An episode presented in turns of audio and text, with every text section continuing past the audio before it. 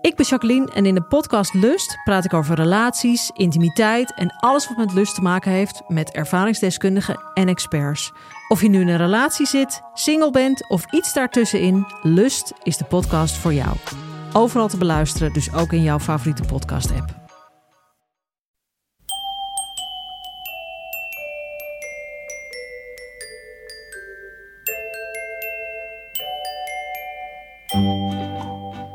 Welkom bij aflevering 222 van de Echt Gebeurd podcast, waarin waargebeurde verhalen worden verteld door de mensen die ze zelf hebben meegemaakt. Maar voor aflevering 222 hebben we iets heel bijzonders. Een verhaal dat onze eigen Paulien Cornelissen in 2010 vertelde tijdens een story slam in de Verdi Club in San Francisco. Het verhaal is in het Engels, omdat het ook echt alleen in het Engels verteld kan worden.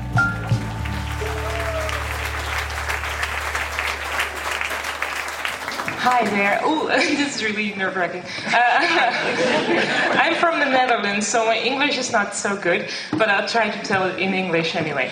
Um, which, yeah, okay. Uh, so, uh, right now I'm 34, but when I was 18, I got a scholarship to study in the United States for a year. And I went to uh, Brandeis University in Boston yeah, alumni. Oh. it's a Jewish university, but I could join anyway. So, okay. And uh, while I was there, for me, it was just a, year to do whatever I wanted. So I could uh, take whatever course I wanted, and it didn't have any repercussions to the rest of my life. So I could do, uh, yeah, because I, everybody there was like pre med and pre law, and they were very serious studying, blah, blah, blah. But I could just take art and movement for the stage and whatever, and do all these. Yeah, I did that. It was really fun. so I also did uh, this course called Three Dimensional Design, which is basically just make stuff that you could walk around, right? Because it's three. And, and I had a teacher um, who was, uh, and she, she was uh, one of the first uh, lesbians that I saw. Um, I mean, I'd seen lesbians in Amsterdam, but this was a, an American lesbian. and, and, she had, uh, she had like a, a, a very big framed glasses, like everybody now is uh, thinks is normal, but back then was 1994, and it was really special, right? So it had very large glasses and short hair, and so very lesbian. Um, and, and, she used all these really artsy words, like she said. She said about stuff that I did. She said like, "Oh, I really like the surface tension." Um, and, and, the negative space. And she said everything with very much emphasis. Like, I really like the surface tension and a negative space. Uh, and I did not know what she meant, but nobody knew what she meant because we were in this class and nobody took it seriously because they were all pre med or pre law, and I was the only one. So easily I became the teacher's pet because I, I was the only one who was really into it. You know, and I would just nod when she said like negative space and I'd be like, yeah, yeah. And then she taught me like all these special techniques. She taught she taught me how to weld, like like. So you, you, put metal together.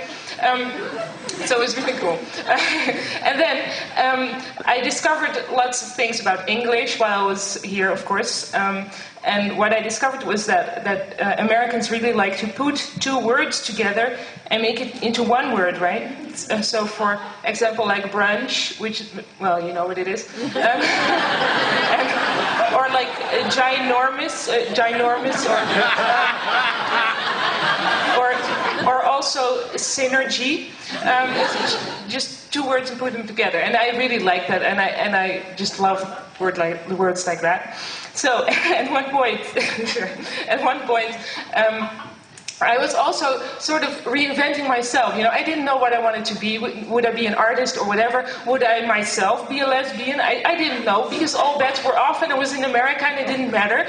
So um, for me, it was really land of opportunity, right? So, and, and, but just for one year. And, so, and then, one point, um, the teacher uh, she took me aside and she said, like, you're really uh, good at what you're doing here with the 3D design. Um, and, and I was really flattered, of course. And, and she said, Well, if you wanted, you could try to apply for art school. And then I said, Yeah, okay, well, oh, thank you. But I also really like uh, theater. And then she said, and that's where it started to become dangerous for me.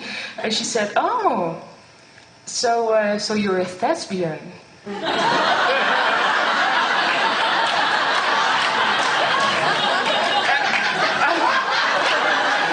I need to finish up. So and then so I thought, oh my God, this is a come on. Uh, She, uh, she, yeah, she wants. She, she thinks I'm a, a very young uh, theater person slash lesbian.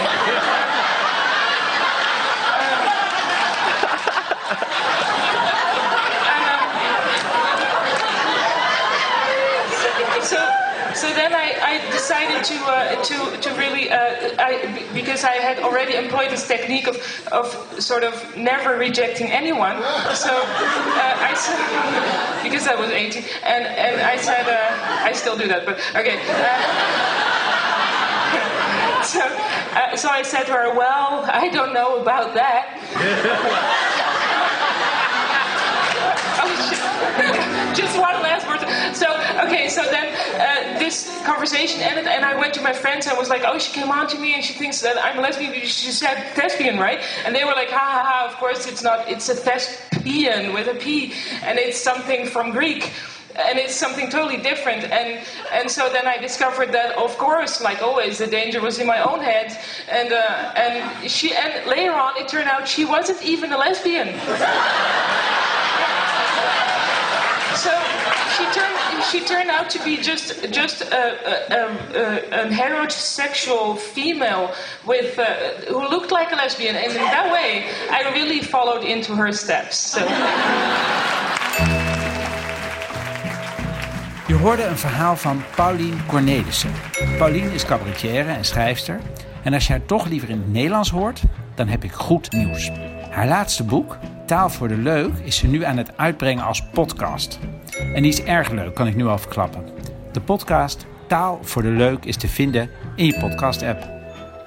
Oh, en je kunt ook je stem uitbrengen als je het boek met plezier las of beluisterde. Want Taal voor de Leuk is genomineerd voor de NS Publieksprijs.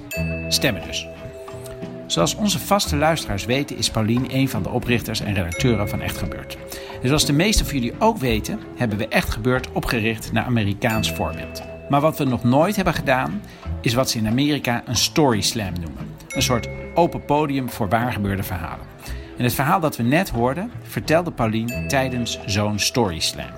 Bezoekers mochten daar van tevoren een briefje met hun naam in een hoed doen. En als hun naam dan getrokken werd, dan kregen ze vijf minuten om ter plekke op het podium hun hele verhaal te vertellen.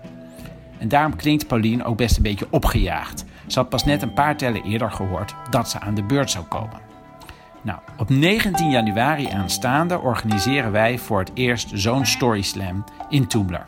De Amsterdamse club waar we nu al meer dan 10 jaar ook onze Echt Gebeurd middagen organiseren. En als jij een keer een waargebeurd verhaal wilt vertellen aan ons publiek, zet dan alvast 19 januari in je agenda. Want misschien wordt jouw naam dan wel uit de hoge hoed getrokken. Op onze website echtgebeurd.net kan je je opgeven voor onze nieuwsbrief en dan houden wij je op de hoogte als we iets meer weten. De redactie van Echt Gebeurd bestaat uit heel veel mensen, maar die hadden met deze opname even niets te maken.